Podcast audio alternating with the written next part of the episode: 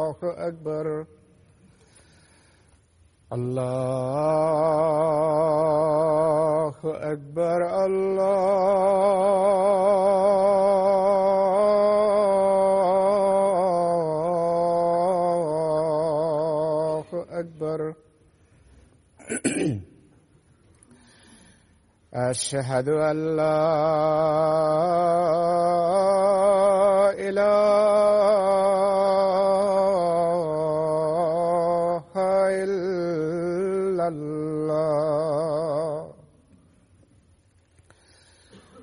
أشهد ان لا اله الا الله اشهد ان محمد رسول الله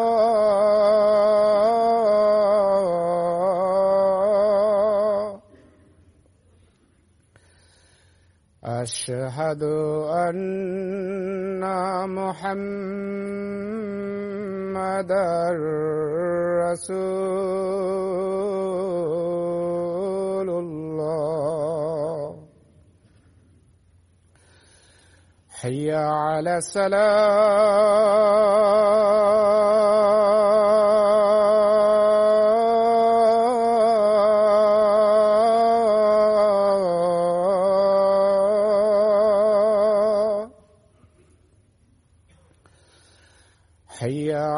السلام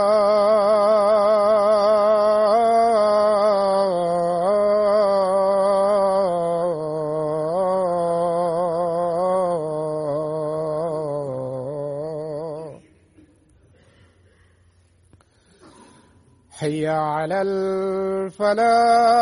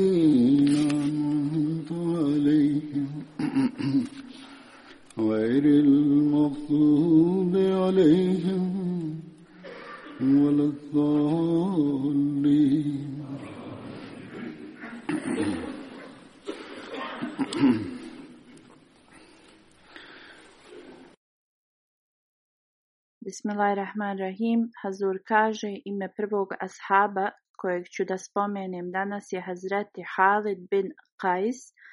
On je pripadao Benu Bajada, ogranku plemena Hazrađ.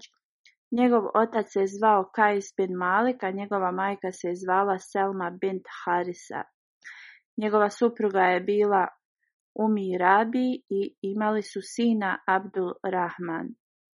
Prema Ibni Ishaku učestvovao je u zakletvi Akba zajedno sa 70 ashaba Ensarija. On je također učestvovao u bici na Bedru i Uhudu. Drugi ashab kojeg ću da spomenem danas je Hazreti Haris bin Hazana i on je ensarija, njegova titula je bila Ebu Bašer, on je pripadao ensarijskom plemenu Hazrađ, oni su bili pod ugovorom sa Benu Abdel Ašal plemenom, učestvovao je u svim borbama uz časnog poslanika Salalahu alih veselam, uključujući bitku na Bedru, Uhudu i Hendeku kod rova. Časni poslanik sallallahu alejhi ve je uspostavio bratstvo između Hazreti Harisa bin Hazama i Hazreti Ijas bin Bukheir. Spomenuto je u historiji da u toku bitke na Tabuku kamila časnog poslanika sallallahu alejhi ve se izgubila. Licemjeri su govorili protiv poslanika sallallahu alejhi ve govoreći kako da on ima znanje o nevidljivom kad ne zna gdje mu je kamila. Kad je časni poslanik, salallahu alaihi veselam, čuo u vezi ovoga rekao je ja jedino posjedujem znanje o onome o čemu me Allah informiše. Onda je rekao da je Allah njemu objavio da je njegova kamila u toj i toj dolini. Ovaj incident sam spomenuo ranije dok sam govorio o drugom ashabu ashab koji je otišao da nađe Kamilu, prema uputama časnog poslanika sallallahu alaihi veselem, i doveo Kamilu nazad je bio Hazreti Haris bin Hazama. On je preminuo u Medini u 40. godini poslije Hidžre u toku hilafeta Hazreti Alija radi Allahu Anhu u 67. godini života. Sljedeći ashab kojeg ću da spomenem je Hazreti Huneis bin Huzafa. Njegova titula je bila Ebu Huzafa. Ime njegove majke je bilo Daifa bint Hizjam. Pripadao je Beni Sahan bin Amr plemenu.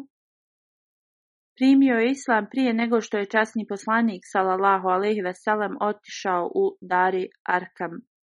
Abdullah bin Huzeifa je bio njegov brat. Bio je među onim muslimanima koji su otputovali drugi put u Abesiniju. On se smatra među prvim muhađerima. Kad se Hazreti Huneis preselio u Medinu, boravio je kod Hazreti Rifa bin Abdul Munzer. Časni poslanik sallallahu alejhi ve je uspostavio bratstvo između njega i Hazreti Ebu Abs bin Džaber, Hazreti Huneys je učestvovao u bitci na Bedru, Umul Mu'minin Hazreti Hafsa je bila udovica od Hazreti Huneysa prije nego što se udala za časnog poslanika salallahu alaihi veselem, detalji o ovome su zabilježeni u sirat Hatamu Nebijin na sljedeći način. Hazreti Omer radijalahu anhu je imao kćerku koja se zvala Hazreti Hafsa koja je bila udata za Hazreti Huneisa bin Huzeifa.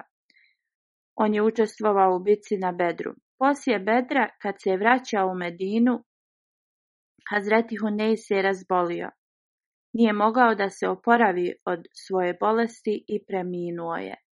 Neko vrijeme posle njegove smrti Hazreti Omer radijallahu anhu je bio zabrinut u vezi njene druge udaje. U to vrijeme Hazreti Hafsa je imala preko 20 godina. Radi njene jednostavnosti Hazreti Omer se je sastao sa Osmanom bin Afanom.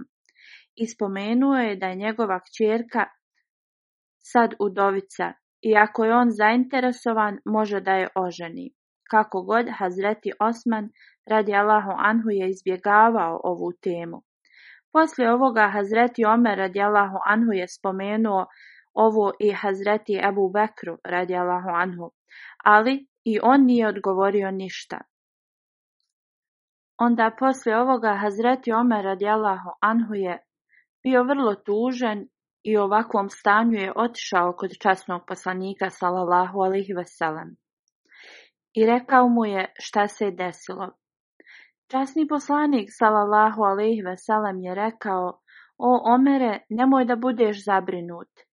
Ako Allah bude želio, Hafsa će naći boljeg muža od Osmana i od Ebu Bekra. I Osman će dobiti bolju suprugu od Hafse. Časni poslanik salallahu alih ve je rekao ovo jer je on već planirao da oženi Hazreti Hafsu. I planirao je da da svoju kćerku u mikulsun za Hazreti Osmana. dvojica Hazreti Osman i Hazreti Ebu Bekr radijalahu anhu su znali o ovome, jer im je bilo rečeno u vezi toga. I zbog toga su odbili Hazreti Omera radijalahu anhu. Neko vrijeme poslije toga poslanik sallallahu alejhi ve je udao njegovu kćerku Umi Kulsum za Hazreti Osmana Allahu anhu i ovo je već spomenuto ranije. Onda je poslanik sallallahu alejhi ve poslao ponudu za brak za Hazreti Hifzu. Hazreti Omer radijallahu anhu, šta bi više Hazreti Omer radijallahu anhu mogao da traži? Vrlo je rado prihvatio ovu ponudu. U mjesecu Šabanu u trećoj godini poslije Hidžri Hazreti Hafsa je bila udata za časnog poslanika salallahu alaihi veselem i postala je dio njegove porodice. Kad se ovaj brak sklopio, Hazreti Ebu Bekr radijalahu anhu je rekao Hazreti Omeru radijalahu anhu, sigurno je tvoje srce bilo tužno radi mog ponašanja. Možda je tuga i ljutna se stvorila u tvom srcu. Činjenica je da sam ja već znao poslanikov nijet u vezi ovoga, ali nisam mogao bez poslanikove salallahu alih veselem dozvole da odam njegovu tajnu. Naravno da poslanik sallallahu alejhi Veselem nije to planirao, ja bih vrlo rado oženio Hazreti Hafsu. Jedna od isticajnih osobina ženitbe sa Hafsom jeste to da je ona bila kćerka jednog od najeminentnijih ashaba poslije Ebu Bekra radijalahu anhu i on je bio jedan od najintimnijih prijatelja časnog poslanika sallallahu ve sellem. Onda tako su uspostavili još bolje prijateljstvo i da ukloni tugu Hazreti Omera radijalahu anhu i Hazreti Hafse zbog neočekivane smrti od Hazreti Huneisa bin Huzeifa, časni poslanik sallallahu alaihi wasallam, je smatrao da je prikladno da on oženi Hazreti Hafsu. Prema drugom hadisu, Hazreti Huneis bin Huzeifa radijalahu anhu je bio ranjen u toku bitke na Uhudu i poslije toga je preminuo u Medini od tih rana. Časni poslanik sallallahu alaihi je predvodio njegovu džanazu i ukopat je u Dženetul Vagi pored Hazreti Osmana bin Mun Mazuma. Ime sljedećeg ashaba kojeg ću spomenuti je Hazreti Harsa bin Nauman. Njegova titula je bila Ebu Abdullah. Hazreti Harsa bin Numan je bio Ensarija, pripadao je Benu Nađar plemenu, ogranku Hazrađ plemena. On je učestvovao uz časnog poslanika sallallahu alejhi veselem u svim bitkama uključujući bitku na Bedru, Uhudu i Hendeku. Bio je smatran jedan od vodećih ashaba.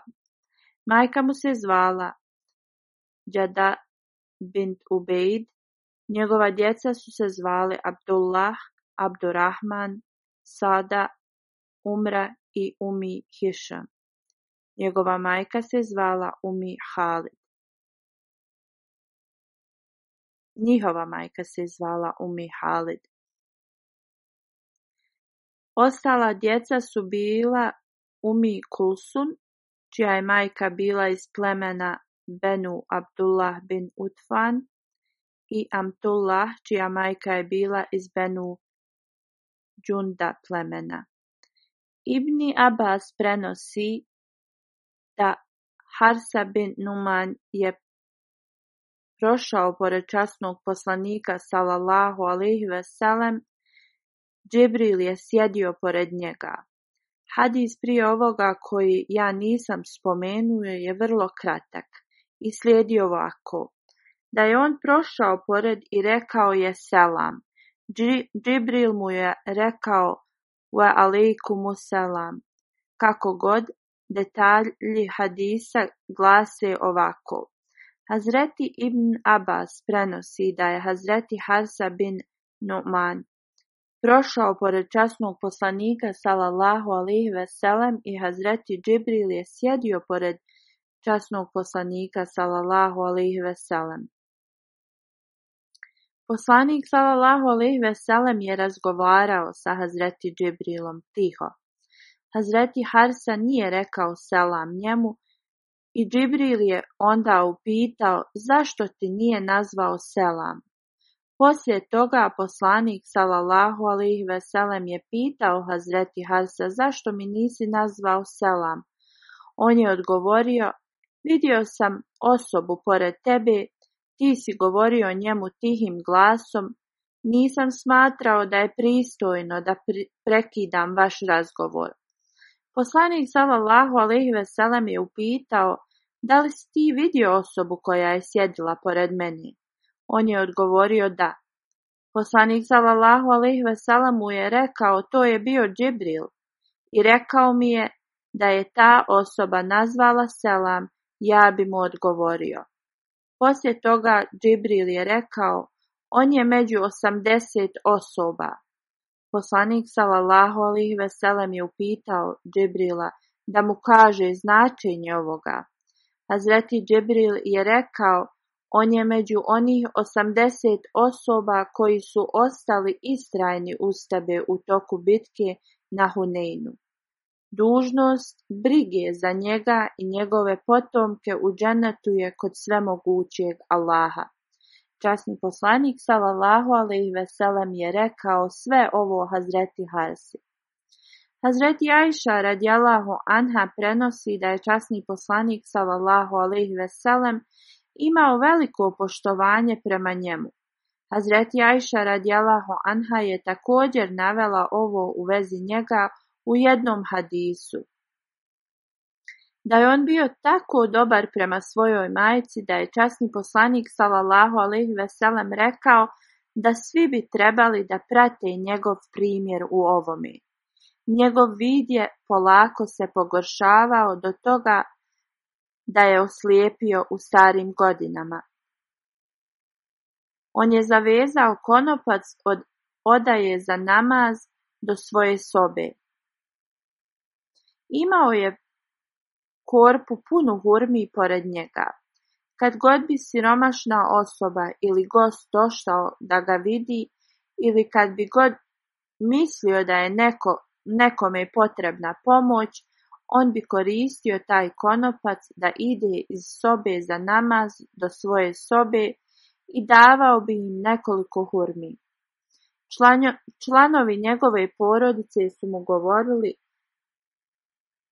da mu oni mogu pomoći i iznijeti to napolje, jer je njegov vid sve više i više slabio i on ne bi trebao da se zamara. On bi im odgovarao. Ja sam čuo od časnog poslanika salalahu alaihi veselem da pomagati siromašnima to čuva osobu od patnje od smrti. Spomenuto je u hadisu da kuće Hazreti Harsa su bile blizu kuća časnog poslanika sallallahu alejhi ve Imao je nekoliko kuća i kad bi god bila potreba da poslani koristi bilo koju od ovih kuća, on bi to davao poslaniku sallallahu alejhi ve sellem. Radije davao bi ih uvijek. U toku vjenčanja ili kad bi god bilo potrebno, davao bi svoje kuće za to.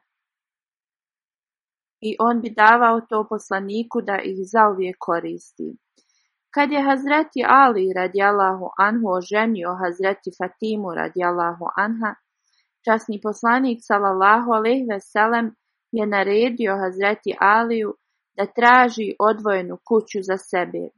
Hazreti Ali je našao kuću poslije njegovog braka sa Hazreti Fatimom i oni su se odselili tu. Poslije ovoga poslanik sallallahu alih ve je rekao Hazreti Fatimi: "Ja želim da ti živiš blizu mene." To jeste da nađe kuću blizu njega. Hazreti Fatima je upitala poslanika sallallahu alih ve ako može da pita Hazreti Harsa bin Nu'man da se odseli iz kuće koja je bila blizu poslanikove salallahu alaihi veselam, tako da se oni mogu doseliti u njegovu kuću. Poslanik salallahu alaihi veselam je odgovorio, Harsa se selio radi mene nekoliko puta i ima neke kuće blizu mene i nekoliko puta se radi toga iselio. Stidim se da ga pitam ponovo da se preseli. Kad je Hazreti Haza čuo ovo, preselio se iz svoje kuće u drugu. Onda je došao kod časnog poslanika sallallahu alejhi ve i rekao: "O Allahov poslanice, čuo sam da bi ti želio da se Hazreti Fatima doseli bliže tebe. Ove moje kuće su najbliže od sviju iz Benu Nađar. Moje bogatstvo i ja sam za Allahovog poslanika sallallahu alaihi veselem. O Allahov poslaniće, molim te uzmi šta god hoćeš od mene. Tako mi Allaha, šta god ti prihvatiš od mene, daje mi višu sreću od onoga što ostaje kod mene. Poslanik sallallahu alaihi veselem je rekao, u istinu rekao si istinu. Neka Allah obaspe njegov blagoslov na tebi. Onda je poslanik sallallahu alejhi ve sellem pitao Hazreti Fatimu da se preseli u kuću Hazreti Harsa. Hazreti Mirza Bashir Ahmed sahib je napisao još detalja u vezi ovoga u Sirat Hatamu Nebijin. On piše do sada vjerovatno je Hazreti Ali živio sa poslanikom sallallahu alejhi ve sellem u apartmanu koji je bio izgrađen u džamiju. Kako god, Odvojeno mjesto je sad bilo potrebno, gdje muž i žena mogu da žive poslije braka. Tako poslanik sallallahu ve veselem je naredio Hazreti Aliju da nađe mjesto gdje će on da živi. Hazreti Ali je privremeno našao mjesto i brak se sklopio između njih. Na isti dan kad se isklopio brak, poslanik sallallahu alejhi ve je posjetio njegov dom i tražio je da mu donesu vode. Molio se nad njom i poprskao je Hazreti Fatimu i Hazreti Alija, ponavljajući riječi Allahume barik fihima ve barik alehima ve barika fi neslihuma što znači O moj Allahu blagoslovi njihovu vezu jednog sa drugim i blagoslovi njihove veze koje su uspostavljene sa drugima i blagoslovi njihovo potomstvo. Što znači molio se za njihovu uzajamnu vezu, vezu sa rodbinom i sa svim drugima i molio se za njihove potomke da budu blagoslovljeni. Poslije ovoga poslanik sallallahu alejhi ve je ostavio mladince same. Poslije nekog vremena kad je poslanik sallallahu alejhi ve došao posjetiti Hazreti Fatimu, ona mu je rekla da Harsa bin Numan posjeduje nekoliko kuća i pitala je poslanika sallallahu alejhi ve ako on može da ga upita da se iseli iz jedne. Poslanik sallallahu alejhi ve je rekao on je već se selio mnogo puta radi nas i ja se stidim da ga upitam ponovo. Kad je Hazreti Harsana na nepoznat način, ali je saznao u vezi ovoga, žurno je došao kod poslanika sallallahu alejhi i rekao: "O Allahov poslaniće, sve što ja imam pripada tebi." Tako mi Allaha šta god ti uzmeš od mene daje mi veću radost od onoga što ostaje uz mene. Onda je on insistirao i iselio se iz jedne od njegovih kuća i dao je tu kuću poslaniku sallallahu alejhi ve Poslije se Hazreti Ali i Hazreti Fatima uselili u tu kuću. Hazreti Ajša radijallahu anha prenosi da na dan Hunayn, na Hunejnu poslanik sallallahu alejhi ve se obratio ashabima i rekao je: ko će od vas da dežura noću? Hazreti Harsa bin Numan je ustao polako. On nije imao naviku da ustaje i žuri u bilo čemu drugom. Ashabi su rekli njegova skromnost je pokvarila njegove navike, trebao je da ustane brzo. Časni poslanik sallallahu ve sellem je rekao ne, ne govorite to, radije recite da je skromnost spasila Harisa. Hazreti Haris bin Numan je preminuo u vremenu vladavine Hazreti Amir Muavija. Sljedeći ashab je Hazreti Bešir bin Sad, njegova titula je bila Ebu Numan, njegov otac je bio Sad bin Salba. Hazreti Samit bin Sad je bio njegov brat, on je pripadao Hazrađ plemenu.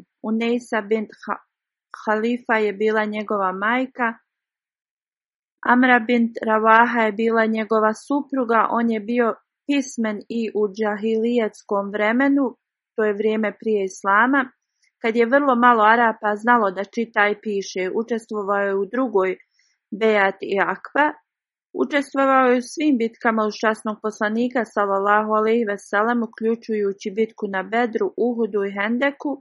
U Šabanu sedme godine poslije hidžre časni poslanik sallallahu alejhi ve je poslao grupu od 30 vojnika kod Fadak bin Mura pod vojstvom Hazreti Bashir bin Sada. Borba je bila vrlo jaka gdje se je Hazreti Bashir borio hrabro. U toku borbe udaren je u nogu sa mačem i mislili su da je poginuo. Neprijatelji su ga ostavili jer su mislili da se onesvijestio ili da su ga ubili. Kako god, navečer se osvijestio i došao je u Fadak, gdje je boravio nekoliko dana u kući od jednog jevreja i onda se vratio u Medinu. Slično u Šavalu sedme godine poslije Hidže časni poslanik salallahu alejhi ve ga je poslao sa 300 ljudi u Jum i Džavad, koji se nalazio između Fadaka i doline Kur'a. Ovo je mjesto gdje su se neki ljudi iz Gatvan skupili sa Uejna ibn Hind al-Faradi i smišali su spletke protiv islama. Hazreti Bešir ih se, se suočio sa njima i oni su se razbježali. Muslimani su ubili neke od njih, a neke su zarobili. Vratili su se sa ratnim plijenom. Ova ekspedicija je bila samo radi opreza, zbog toga što su ovi ljudi pravili planove protiv muslimana. Cilj nije bio da ih ubiju ili opljačkaju, kao što sam spomenuo u mojoj prošloj hudbi, da je časni poslanik s.a.v. strogo osudio ashabe koji su napali na neopravdani način i pitao ih je zašto su to uradili. Postoji hadis u vezi Bashir bin Sad koji prenosi njegov sin Hazreti Numan bin Bashir. On kaže, moj otac me je doveo kod časnog poslanika salallahu alaihi veselem i rekao, dao sam slugu ovom mom sinu. Časni poslanik salallahu alaihi veselem je upitao, da li si dao isto svim svojim sinovima. On je odgovorio ne. Časni poslanik sallallahu alaihi veselem je onda rekao, onda trebaš da uzmiš slugu nazad. Prema drugom hadisu Hazreti Numan bin Bashir prenosi moj otac je dao meni dio svog bogatstva. Oba dva hadisa su iz Buharija.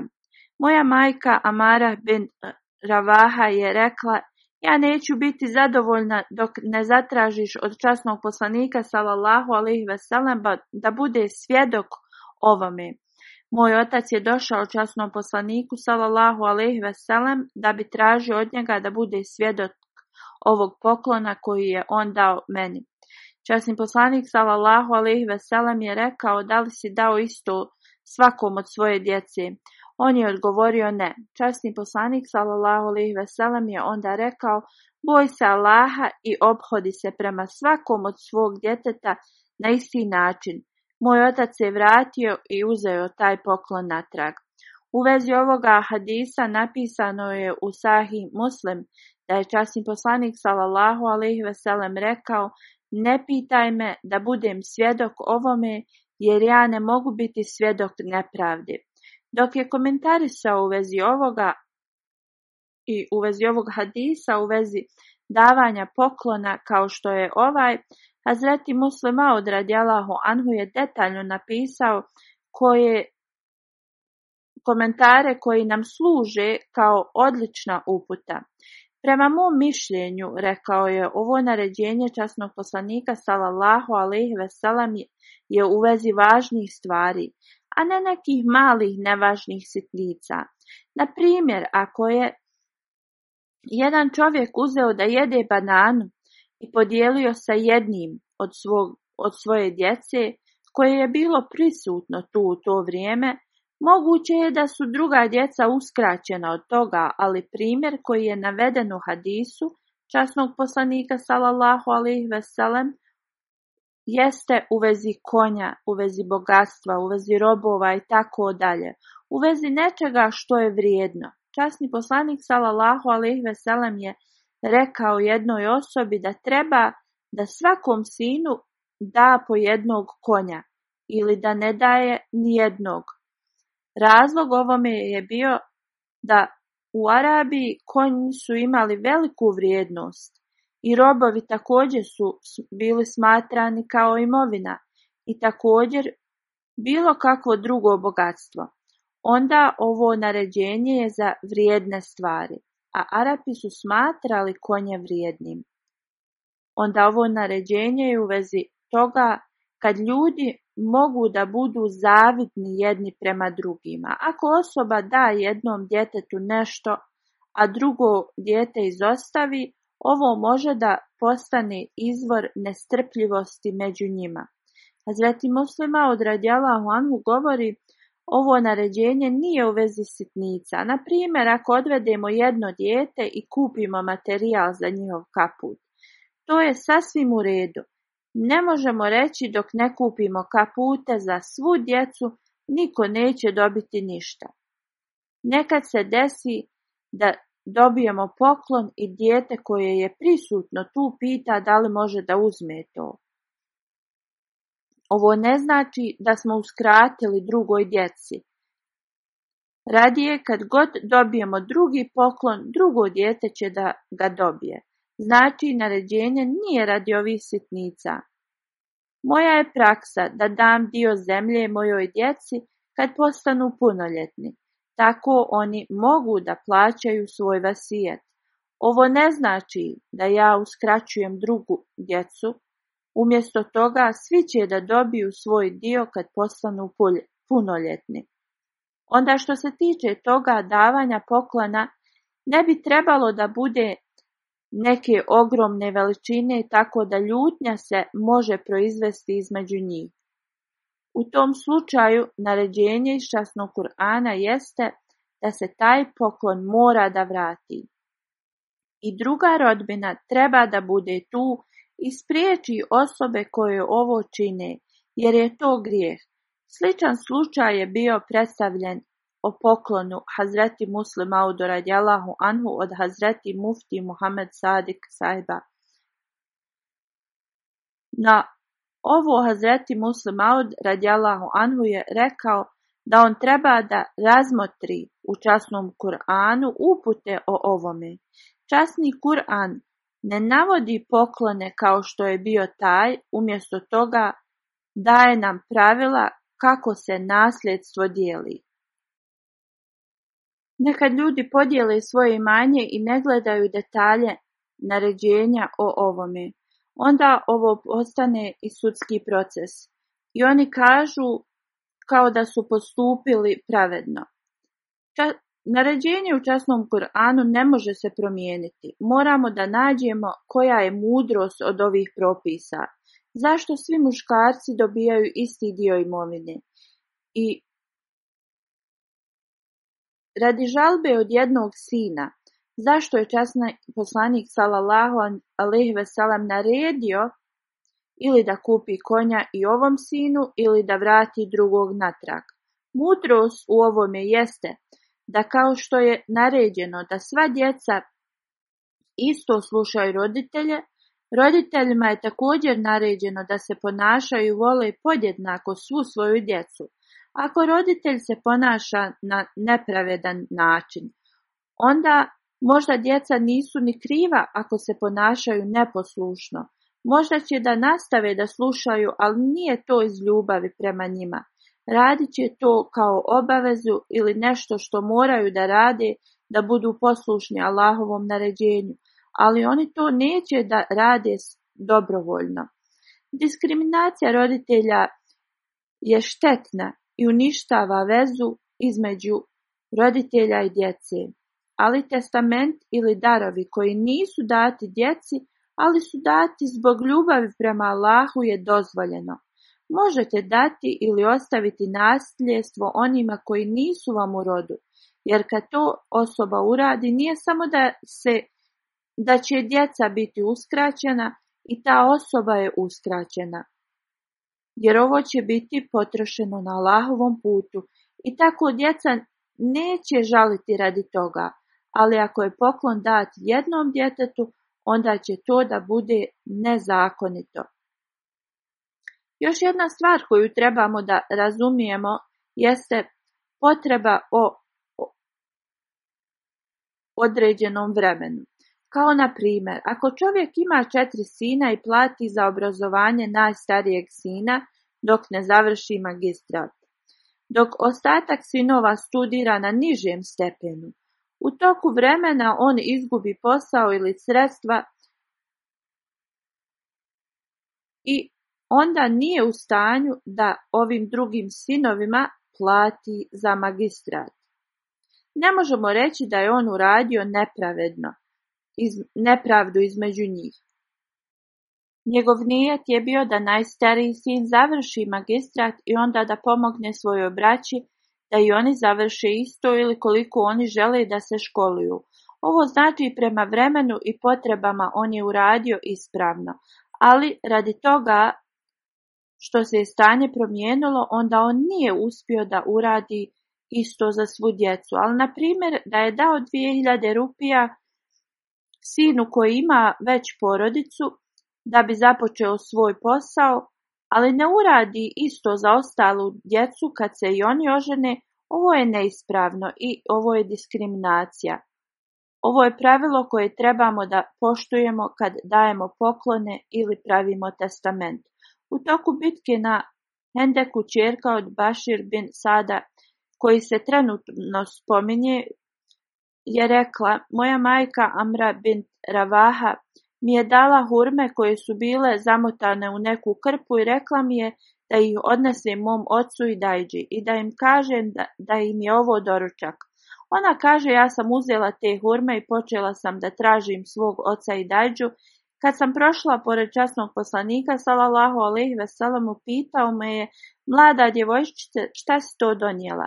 Ja sam mu rekla u vezi hurmi koje je moja majka dala da odnese mom ocu. Hazreti Bašir bin Sadu i mom dajđi Abdullahu bin Ravaha. Časni poslanik sallallahu alejhi ve sellem je rekao da ih, daj ih meni, ja sam mu i stavila u oba dvije njegove ruke. On je stavio na jedan komad platna i pokrio je s druge. Onda je rekao jednom čovjeku da pozove sve ljude da jedu. Svi oni su dolazili, koji su kopali rovove su došli i počeli su da jedu. Hurme su sve više se i više povećavali. do, to, do te mjere kad su svi završili, platno i dalje bilo puno hurmi. Ovo je bilo kako su te hurme bile blagoslovljene. Hazreti Bašir je učestvovao uz Halida bin Valida u bici na Ainu Tamar. U toku hilafeta tajbu Bekra radijalahu anhu u 12. godini poslije Hidžije gdje je postao šehid. Ajnu Tamar je mjesto blizu Kufe, koje su muslimane osvojili u toku hilafeta Tebu Bekra. Kad je časni poslanik sallallahu alejhi ve sellem krenuo na umra kaza u toku Zulkada u sedmoj godini poslije hidžre, poslao je oružje ispred i Hazreti Bašir je bio glavni za oružje. Detalji u vezi umra kaza u vrijeme primirja na Hudejbiji Plan za umru je napušten te godine. Uslov je bio da te godine časni poslanik salallahu alaihi veselem ne uradi umru umjesto toga da će doći sljedeće godine i ostati u Meki tri godine. Prava ovim propisima u sedmoj godini posle Hidže najavio je da ide na umru i svi oni koji su bili prisutni godinu prije trebaju da idu sa njim. I onda su svi prisustvovali sa njim osim onih koji su preminuli ili postali šehidi u toku bitke na Hajberu. Tako Hazreti Bašir je otišao ispred njih sa oružjem koja je bila potreba koja je bila potreba za oružjem. Zbog toga zašto, zato što časni poslanik sallallahu alejhi ve nije vjerovao Kurejšijama da će se pridržavati tog ugovora. Zbog toga se osigurao da bude spreman za napad. Ebu Reham Gufari je bio postavljen za emira vođu Medine u poslanikovom odsustvu. Poslanik sallallahu alejhi ve je otputovao u Meku sa 2000 ljudi, uključujući 200 konjanika i 60 kamila su poveli za hranu. Kad su Bekanlije čuli da poslanik sallallahu alejhi ve sellem dolazi naoružan, poslali su ljude do Mara za hran da izvide. Sreli su Muhameda bin Muslima, koji je bio vođa konjanika i on im je dao obećanje i uvjerio ih je da poslanik sallallahu alejhi ve neće ući u Meku naoružan. Kurejšije su bili zadovoljni ovim odgovorom. Kad je poslanik sallallahu alejhi ve stigao u Jeđiz, mjesto udaljeno osam milja od Meke, ostavio je ovo oružje pod, nagled, pod nagledanjem Hazreti Bašir bin Sada i ostavio je samo mač sa sobom. Onda je ušao u Meku sa svojima shabima učeći talbiju. Rečeno je kad je poslanik sallallahu alejhi ušao u haram Zbog ljubomore neki nevjernici nisu mogli da gledaju muslimane da ulaze u Kabu i otišli su na planinu. Kako god neki nevjernici su se sastali u kući Darul Nadva, to je mjesto gdje su se nevjernici sastajali i vijećali i pravili planove protiv muslimana. Tu su stajali i gledali jedni druge prepašteni, jer su gledali muslimane kako kruži oko Kabe predani gospodaru i njegovom jedinstvu. Oni su govorili jedni drugima kako ovi muslimani mogu raditi tabas kad su oni prošli kroz gladovanje i temperature Medine, oni su uistinu slabi ljudi. Časni poslanik Salalahu Alehi ve kad je stigao do do Haram, on je obukao svoje odjelo da je njegova desna ruka i rame se vidjelo.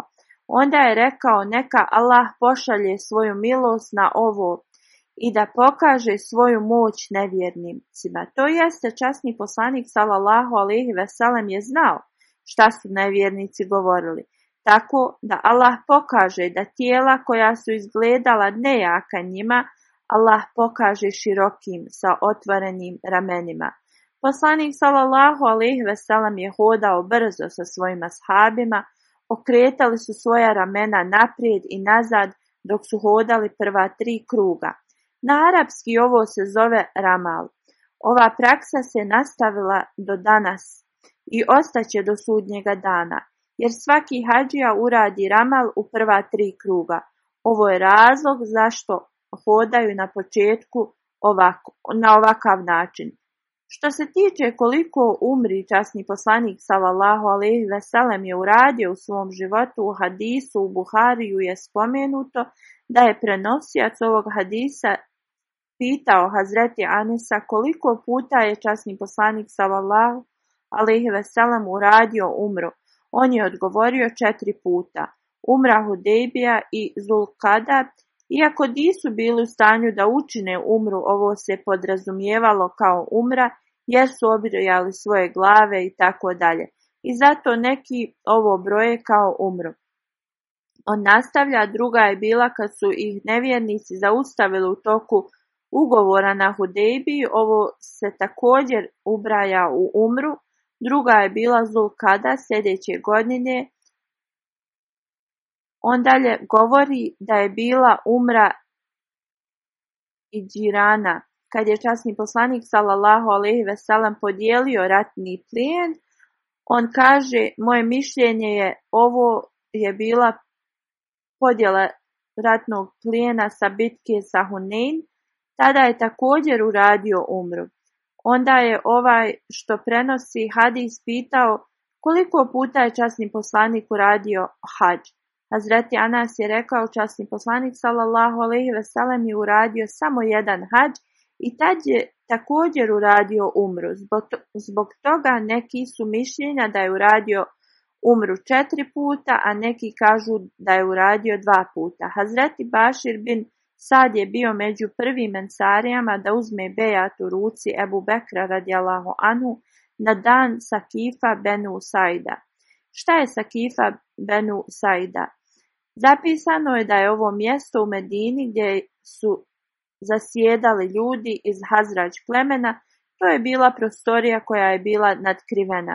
Kad je časni poslanik sallallahu alejhi ve preminuo, ljudi iz Benu Usajda su se skupili u Sakifa Benu Usajda da razgovaraju ko će da naslijedi poslanika sallallahu alejhi ve sellem. Omer je bio informisan u vezi ovog sastanka i također je spomenuto da je postojala šansa da lice mjeri rašire neke spletke u to vrijeme. Onda je Hazreti Omer radijalahu anhu poveo jebu u Bekra radijalahu anhu na to mjesto. Kad su došli, tu su saznali da je pleme Hazrać tvrdilo da su oni nasljednici poslanika salallahu alih veselem nasuprot Aus plemenu. Oba dva plemena su bila ensarijska plemena iz Medine. Na tom sastanku jedan ensarija je spomenuo nešto što je čuo od časnog poslanika salallahu alihi veselem, da vođa treba da bude od Kurejšija, što je bilo prihvaćeno od većine ljudi u toku ovog vjećanja. Ensarije su odmah ostavile svoju tvrdnju i odmah su dali zakletvu ruci od Ebu Bekra radijalahu anhu kao njihovog halife. Ali Tri dana poslije Ebu Bekara djelahu anhu je govorio da su slobodni od te zakletve koju su uzeli u Sakifa Benusajda. I ako iko ima ikakvu primjerku za to, trebaju da je, da, da, da je daju sad. Niko se od njih nije bunio. Ovo je bilo iz knjige doktora Hamidullah. Ukratko, detalji Dalji detalji u vezi ovoga su sljedeći: kad se ovaj sastanak održavao i kad su licemjeri pokušavali da prouzrokuju nesparazu među ensarijama, Hazreti Omer i Hazreti Ebu Bekr Sidik su stigli na taj sastanak i kad su došli tu ensarije su im predstavili njihovo mišljenje. Hazreti Ebu Bekr je dao svoje mišljenje također i iz ovog događaja možemo da vidimo da su Ensarije i Muhađiri jedino imali na umu islam. Licemjeri su se tad nadali da će moći da ubace svoje spletke među muslimane, ali vjernici Ensarije su jedino imali na umu šta je najbolje za islam. Kad su razgovarali da osnuju hilafet,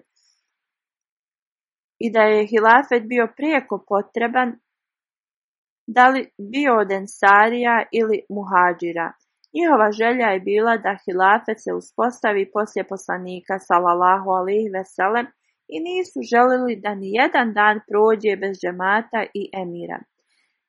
Radi ovoga jedan prijedlog je bio da emir bude od Ensarija, drugo mišljenje je bilo da treba da bude od Muhađira jer Arapi ne bi prihvatili nikog drugog osim njih. Osim ovoga bilo je mišljenje da treba da budu dva emira, jedan od Ensarija, a jedan od Muhađira. Onda su Muhađiri rekli da emir mora da bude iz Kureš i da bi poduprli ovo rekli da bi ovo poduprli rekli su poslanikovo predskazanje da poslije njega imam treba da bude od Kurešija. Kao što je već spomenuto, Hazreti Ebu Bejda bin Đara se obratio Ensarijama govoreći o Ensarije Medine, vi ste oni ljudi koji ste dali najveću službu svojoj vjeri, onda nemojte da budete od onih koji će da promijene svoje ponašanje i da odu na stramputicu. Ne govorite da emir treba da bude ensarija ili iz oba dvije grupe. Ensarije su bili dotaknuti ovom njegovom istinitom izjavom i Bešir bin Sad, Asab o kojem mi trenutno govorimo, je ustao i obratio se ensarijama govoreći o ensarije tako mi Allaha, iako smo prestigli muhađure u vjeri i u džihadu protiv nevjernika, mi smo ovo jedino postigli uz Allahov blagodat, našu poslušnost njegovom poslaniku sallallahu alejhi ve i kroz našu reformaciju. Nije naše da se ponašamo ponosno i da tražimo takve nagrade koje su ovo svjetske koristi, umjesto da služimo našu vjeru. Naša nagrada je uz Allaha i on nam je dovoljan. Časni poslanik sallallahu alejhi ve sellem je od Kurešija i jedino oni su istinski zaslužni za hilafet. Nemojte da mi budemo u, u nesuglasici sa njima. O Ensarije, bojte se sveznajućeg Allaha i ne svađajte se sa muhađirima. Poslije toga Huba bin Munzir je počeo da nabraja važnosti Ensarija. Ali Hazreti Omer radijallahu anhu je kontrolisao situaciju.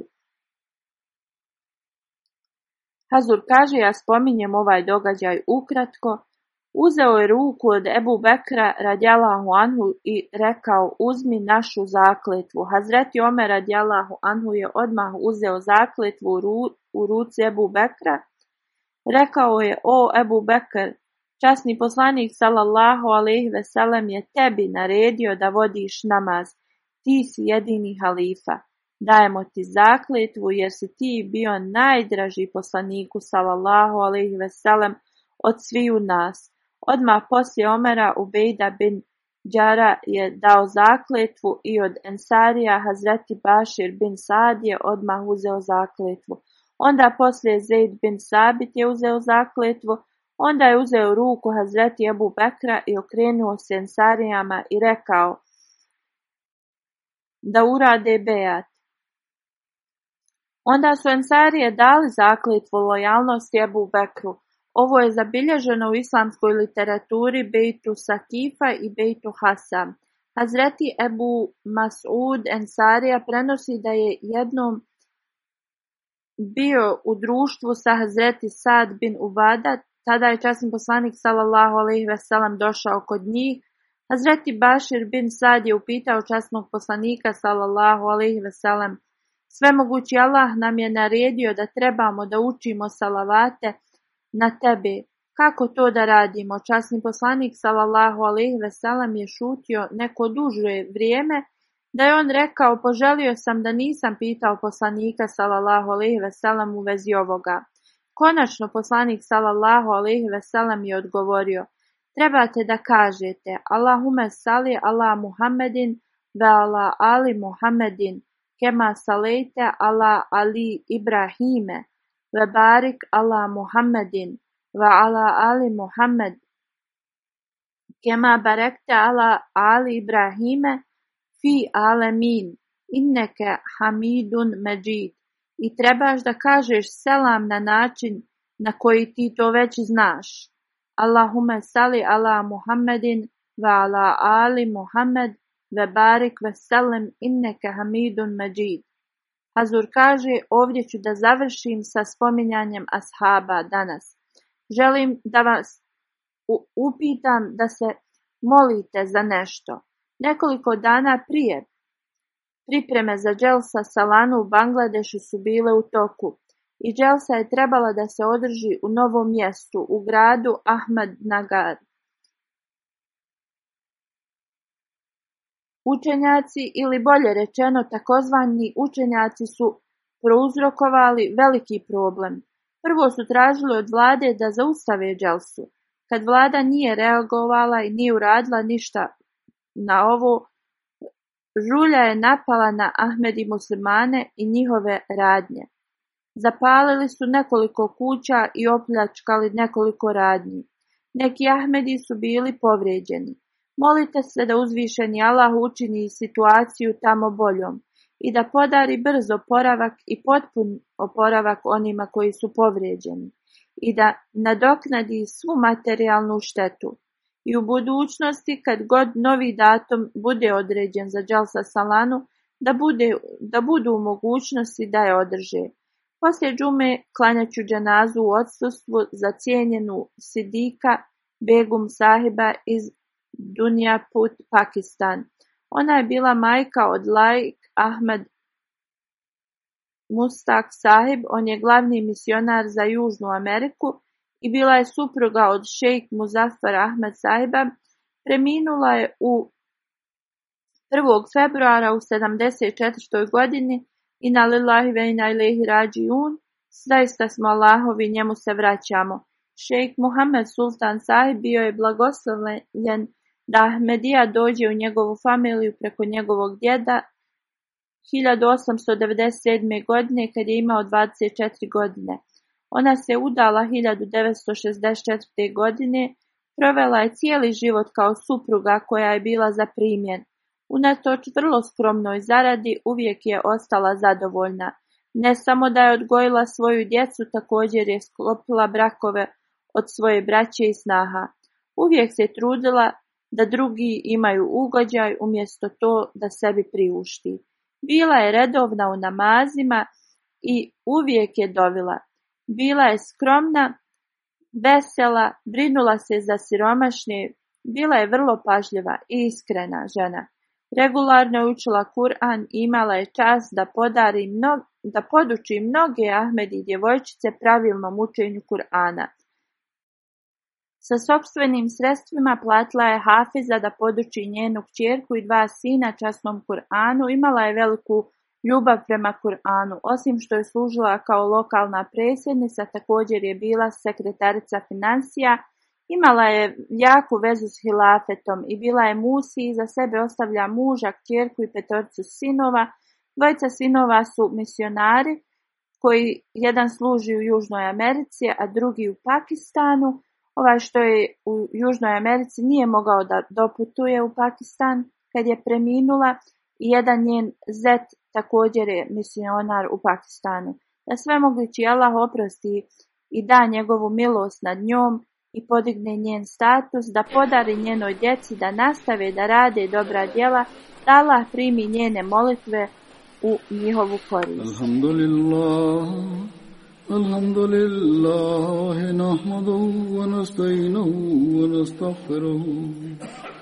ونؤمن به ونتوكل عليه ونعوذ بالله من شرور انفسنا ومن سيئات اعمالنا من يهده الله فلا مضل له ومن يضلل